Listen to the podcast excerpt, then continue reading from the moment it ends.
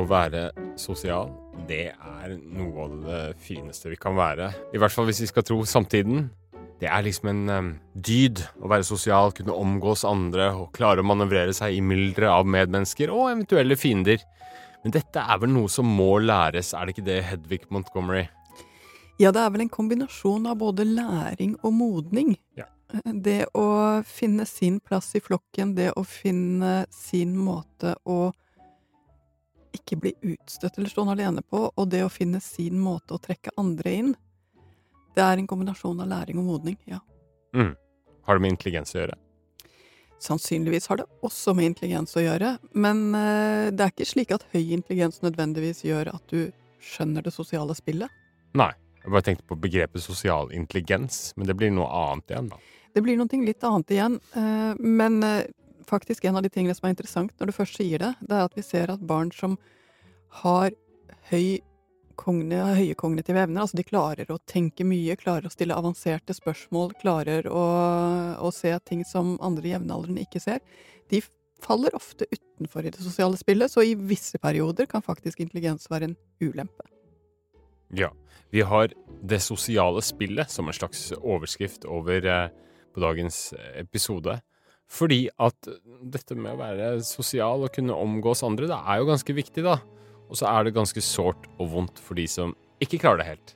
Og vi har fått inn en mail fra en lytter som jeg tenkte kunne være et lite utgangspunkt. Eh, og det er en pappa som skriver at de har en, eh, familien da, har en datter på snart fire som er veldig sensitiv i sosiale interaksjoner, som han skriver. Hun føler seg raskt ensomt og utestengt og reagerer på strenge stemmer øyne. Han mener kanskje at han har noe han kaller et sosialt sensitivt barn, og han lurer på hva de skal gjøre for noe. Datteren er bare fire år, og ikke sånn, det kan være fortvilende likevel. Å ja, men det er jo også en, en, vakker ting i det han skriver, det er jo hvor vel vi vil barna våre, og hvor berørt vi blir når noen ting bekymrer oss. Og så er det også én ting til som er veldig allmenngyldig i det han skriver. Vi bekymrer oss ofte langt fremover. Tenk om hun er slik når hun blir 16, tenk om hun er slik når hun flytter hjemmefra, tenk mm. om hun er slik når hun kommer på et nytt universitet. Mens barn befinner seg mye, mye mer her og nå. Mm. Og han står med en nydelig liten, snart fireåring, som jo åpenbart leser andre godt. For det er jo det hun gjør når hun blir redd for de sterke stemmene, eller når hun eh, er redd for å være til bry. Så første rådet til pappaen her er faktisk å gjøre henne trygg. Ja. Og hva vil det si? Det vil si å være med henne på øh, steder, og når hun syns at det er for mange barn, si jeg vet det er litt mange barn, men det går fint, vi finner, øh, finner noe du kan drive med, altså rett og slett hjelpe henne inn i det å bli vant til at verden er som den er, og hjelpe henne til når hun har blitt redd, og si ja, jeg vet eh, nå hørtes mamma sint ut, hun var egentlig bare stressa, eh, skal vi gå og, ja, gjøre et eller annet? Gjennom trygghet, gjennom å oppleve at det går an å bli trygg igjen når man er blitt redd, så blir hun sterkere, også i de sosiale situasjonene. Men en setning som kommer fort da, det er det er ikke farlig. Er det det er, ikke, det er ikke så bra å si, er det det? Eh, jo da. Det er det. Eh, og jeg tror til og med du må si det ganske mange ganger. Ja, men for, Fordi, er ikke det å imøtegå nesten barnas følelser, da? Jo, hvis du tar det som første setning, men hvis du har først 'Å, ble du redd?' Ah, jeg så det, men det er ikke farlig. Aha. Da har du plutselig både møtt følelsen og hjulpet inn i den riktige forståelsen. Og legg merke til det, hvor ofte små barn ser på de voksnes ansikter. Var det noe å bli redd for? Var dette en farlig situasjon, eller var det ikke? De ser rundt seg for å lese.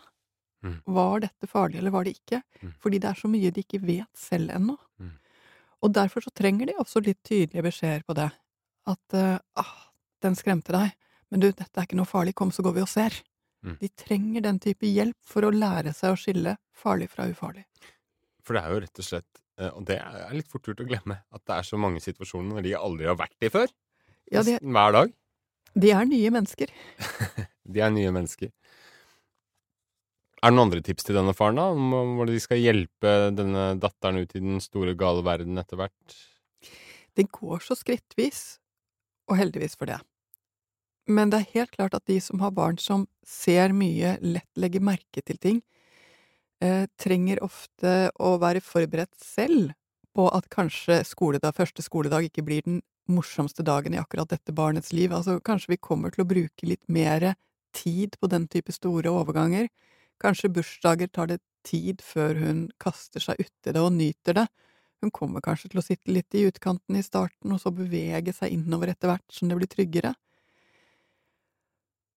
Mitt beste råd her er rett og slett tiden er din venn. Med en jente på snart fire så er det så mye som kommer til å endre seg, og så mye hun kommer til å få med seg gjennom alle de situasjonene som skjer, hvis hun har noen som hun stoler på ved sin side.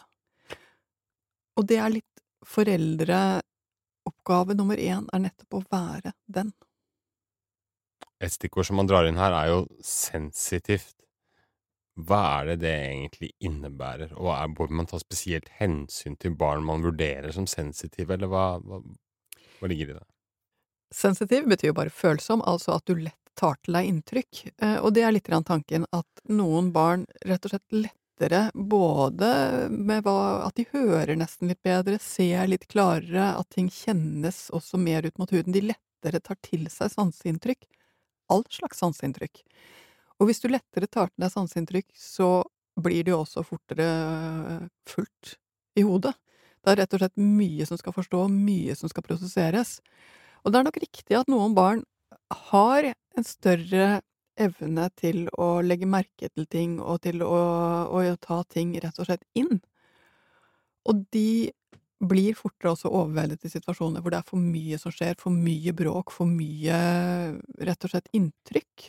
Da har du nesten ikke noe valg. Da må du la barnet få lov til å, å kjenne på at dette håndterer jeg, dette nivået her. Eh, du kan ikke pøse på med fullt, du må la dem bli vant til det når det er for mye, og si at noen ting av det som skjer her er viktig, andre ting er ikke så viktig. Um, og så peke dem i riktig retning. Uh, vi går først bort til uh, pølsebordet eller fiskedammen eller hva det nå er for noen ting, når det kjennes uoversiktlig ut. Barn som tar til seg mye, syns ofte disse store, overveldende dagene som 17. mai og julaften og eh, bursdagsfester, altså det er sånn klassiske situasjoner som blir mye for dem, og også hvis de går i en barnehage hvor det er litt lite struktur og orden, så reagerer de mer negativt på det enn barn som liker bedre å kaste seg ut på bølgen og surfe når det først skjer noen ting. Så om du må ta hensyn, ja, du må jo nesten det, fordi hvert menneske må man jo finne en vei som de kan trives med.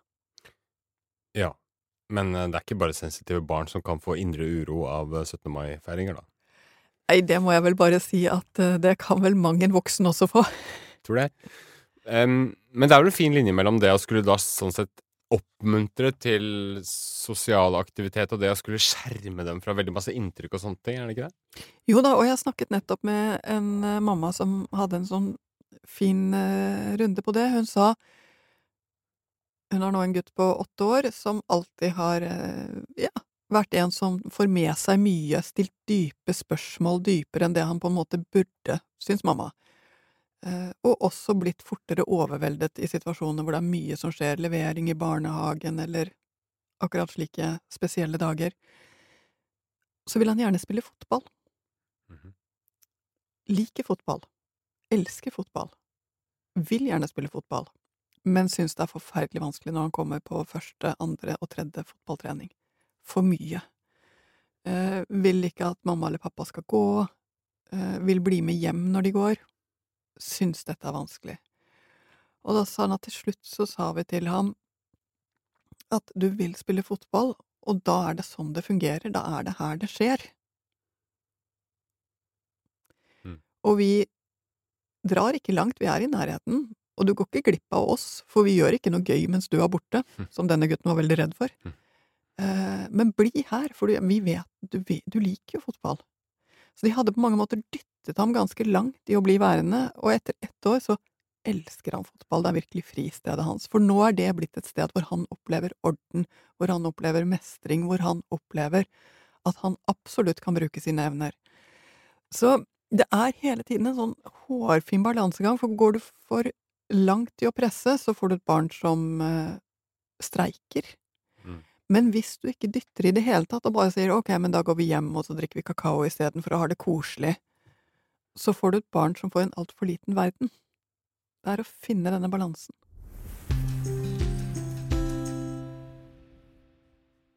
Når barna blir litt eldre, skal man forvente at de har tilegna seg noen litt flere skills da, hva gjelder å omgås andre og hoppe ut i sosial omgang? Altså, vi har jo to ting her som skjer samtidig. Mhm. Og det ene er modning. Rett og slett evnen til å håndtere følelser til både seg selv og til andre, til å forstå regler. Barna går gjennom en sosial utvikling som vi ser veldig tydelig i leken. Først så leker de best med en voksen. Så, når de er i tre-fireårsalderen, så har de fått gode nok språklige evner og øh, kan håndtere seg selv godt nok til at de leker gjerne med jevnaldrende. Og da er det fantasilek og rollespillek som gjelder, det å, å utforske den trygge rammen som den barnegruppen er. Ehm, men så kommer de opp i, i skolealder, og da blir de opptatt av den regelstyrte leken. De blir opptatt altså av reglene for leken. Og det er da de begynner også å like brettspill, begynner å like at det er struktur, og begynner også å diskutere og utfordre denne strukturen. Ja, ja. Eh, som gjør at man havner i litt sånn rare diskusjoner med en åtteåring om, om reglene for, eh, for Scrabble. Mm. Eh, rett og slett fordi det er der de er i utviklingen sin akkurat nå. Det er å lære seg å forholde seg til at det finnes rammer, at det finnes en struktur. Så går vi enda et hakk oppover, og da Mm. ser vi i leken deres at de som ni, ti, elleveåringer blir veldig opptatt av å finne dem de passer sammen med, altså Mm. finne hjertedimensjonen i, i leken. Så det er ikke nok Leken i seg selv er ikke like viktig som hvem de leker med. Det kommer og overstyrer. Eh, mens de kommer opp på ungdomsskolen, og så får vi en gradvis mer en lek som handler om å eh, flørte, finne noen å like av det motsatte eller samme kjønn, alt ettersom hva du ser etter. Eh, hvor det handler om å eh, dele hemmeligheter og være lojal, altså du får en ganske mye mer avansert form for, eh, for vennskap, som modnes videre oppover til det vi ser på som vennskap i voksen alder, som har en sterk grad av gjensidighet i seg. Så barnas sosiale evner modnes jo gjennom disse fasene, som igjen henger sammen med deres eh, modenhet og, og utvikling av tenkning. Så vi kan ikke koble barnets sosiale evner løs fra den livsfasen som barnet er i, eller løs fra, fra, fra denne utviklingen som de skal igjennom. Vi kan ikke få en femåring til å oppføre seg som en tiåring, uansett hvor mye tid og krefter vi legger ned. Dette er erfaringer de trenger å gjøre gjennom å gå gjennom disse fasene, og som de i stor grad også gjør helt naturlig, uten at vi gjør noen ting som helst med det, annet enn å legge til rette for dem og hjelpe dem litt på veien. Mm. Eh, veldig mye av barnas normalutvikling, og spesielt normale sosialutvikling, går nettopp gjennom lek og, og samvær. Trening. Det er trening. Mm. Det er det som er trening. For å gå litt ned igjen, da. Du hadde, hadde tatt uh, runden helt opp til voksen alder, men d- denne ni-tiårsalderen har du sagt før. Da begynner dette intrige- og dramaspillet litt sånn splitt og hersk. Og det kan være sårt og vanskelig, men hva skjer med de barna som ikke tar de kodene, eller tar dette spillet, eller ikke skjønner greia? Ja, absolutt en ganske betydelig andel barn som, eh, som sliter med å skjønne hvorfor vil hun ikke være med meg nå, og, og som leser ting veldig bokstavelig når de kanskje ikke skulle vært lest så bokstavelig. Eh, Hvordan da? jo, men bokstavelig mener jeg at det å At det ikke er rom for misforståelser, at det ikke er rom for tolkninger eller nyanser. Eh, en, eh, en invitasjon som ikke kom samtidig som den andre venninnen fikk, er en utestenging. Eh, men kanskje var det fordi hun var borte. Mm. Altså den der fleksibiliteten i å se situasjonen og forstå den, og kanskje også tilgi hverandre, er litt lite til stede. For den kommer litt på litt forskjellige steder, og dette er jo også en av, tingene som gjør det vanskelig. Barn modnes jo i forskjellig takt. Sånn at det er kanskje en som har mest lyst til å leke med barbiedokker, mens de andre syns det er altfor barnslig. Hvordan skal du forstå det, hvordan skal du forholde deg til det? Så det er en alder hvor det helt klart er vanskeligere for noen enn for andre. Eh, og det gjør også at kontakten med foreldre og lærere er så veldig viktig. Fordi barna trenger det milde, det gode, det blikket som sier 'så fint at du er her', selv når de føler at de faller litt på siden av den venninnegjengen de kanskje lekte masse med i fjor. Og de trenger et sted hvor det er godt å være seg, i påvente at den modningen kommer som gjør at hun kanskje kommer opp på samme nivå som venninnen er. Så voksne er så mye viktigere i denne aldersgruppen enn det vi tradisjonelt kanskje har tenkt. Mm. Hvis man opplever at man eh, et gitt antall ganger blir avvist, så eh, begynner man jo kanskje å tenke at selv at det er et mønster og så videre, og så eh, isolerer man seg kanskje, eller eh, gir opp, eller resignerer. Mm. Kanskje spesielt når man er litt eldre igjen, da. Mm. Hvordan kan man hjelpe barna til ikke å bli den, i den posisjonen? Altså, det fine med dette er at det at du som voksen vet at ting ikke nødvendigvis varer evig, vet at ting forandrer seg, at du tror at det kan fikse seg, har en enorm betydning for barna, kanskje større enn den vi forstår. Eh, med det mener jeg ikke å bagatellisere og tenke at det ikke gjør vondt nå, for ja, det gjør vondt nå,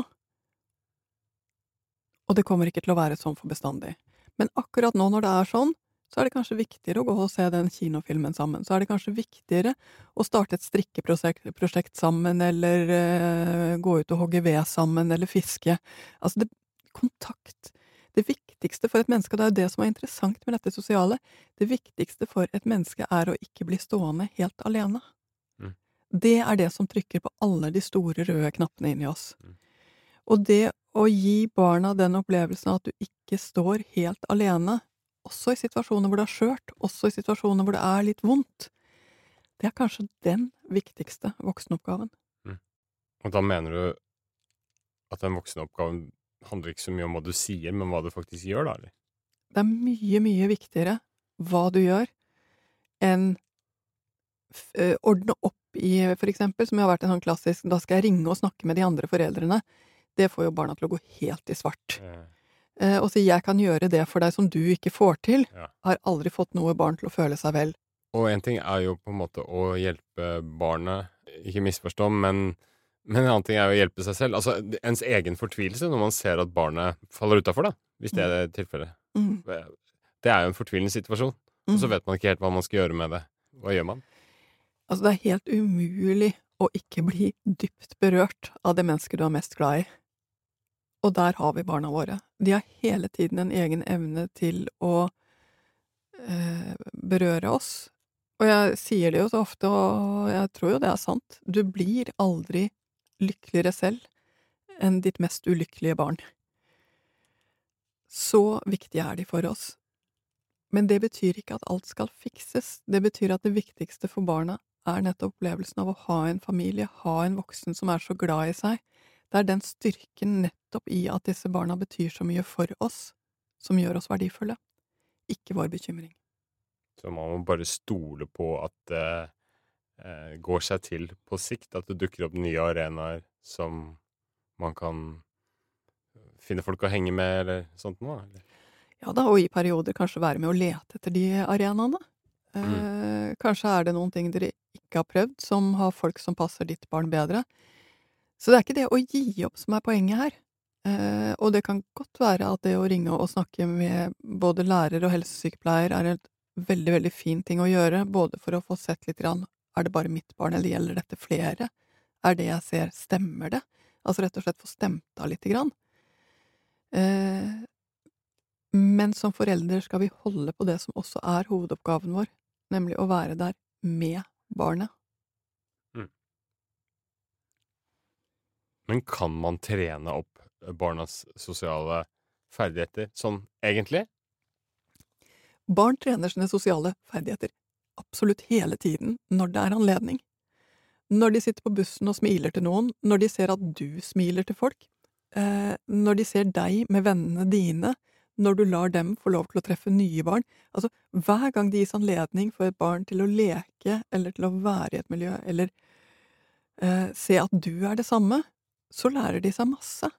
Og det rare er at av det jeg sier, så er jo kanskje det mest sjokkerende er jo hvor mye de lærer seg sosiale ferdigheter av å se på deg. Hvordan du snakker til eh, din familie eller dine venner, eh, hvordan du snakker til eh, dama i kassa på Rimi, alle disse tingene betyr noen ting for barnas sosiale ferdigheter, for de strekker seg inn i voksensosiallivet ved å se hvordan vi håndterer vårt voksne sosialliv. Så istedenfor å grynte når jeg blir tilbudt kvittering eller får forespørsel om pose neste gang jeg er på Kiwi, så skal jeg smile, åpne ansiktet mitt og takke hjertelig for spørsmålet, men nei takk, det går bra. Akkurat i dag trenger du ikke pose. Og da blir hun glad også. Eller han. Dobbel gevinst. Hvis du skal ha ett siste budskap rundt uh, dette her ut til den gemene hop av uh, lyttende foreldre, Hedvig Montgomery, hva skal det være? Barn som får lov til å leke, lærer. Og det gjelder spesielt på det sosiale feltet. Så det å gi plass til barnas lek er også å gi plass til deres sosiale utvikling. Lek i vei. Takk for at du hørte på. Husk at det finnes en hel haug med episoder i Podme og Aftenpostens app som vi har spilt inn tidligere. Toucher inn på den tematikken, annen tematikk. Eh, en gullgruve. Ha det bra.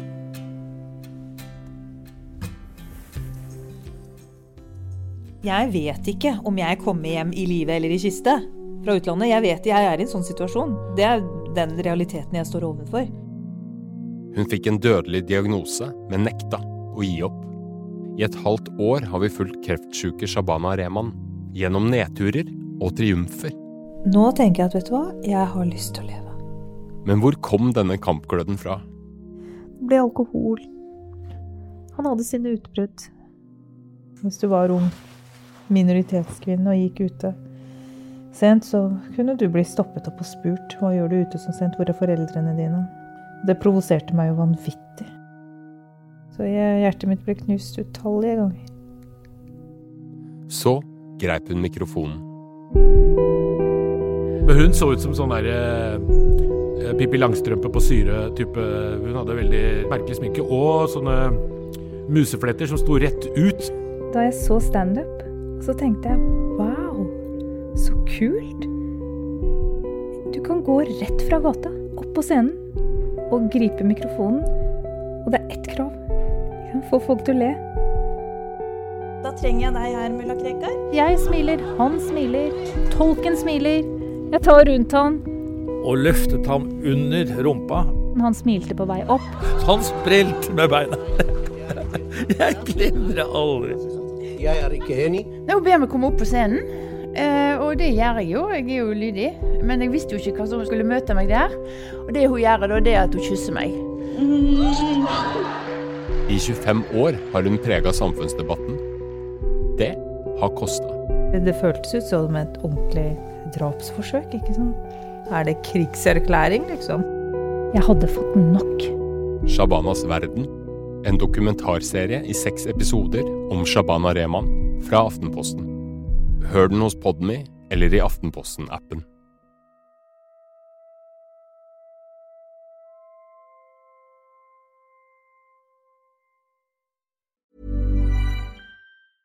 Hey, I'm Ryan Reynolds. Recently, I asked Mint Mobile's legal team if big wireless companies are allowed to raise prices due to inflation. They said yes. And then when I asked if raising prices technically violates those onerous two year contracts, they said, What the f are you talking about, you insane Hollywood ass?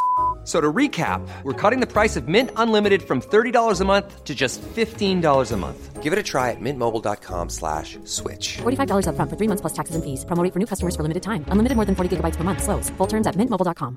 When you're ready to pop the question, the last thing you want to do is second guess the ring. At Bluenile.com, you can design a one of a kind ring with the ease and convenience of shopping online. Choose your diamond and setting. When you find the one, you'll get it delivered right to your door. Go to Bluenile.com and use promo code LISTEN to get $50 off your purchase of $500 or more. That's code LISTEN at Bluenile.com for $50 off your purchase.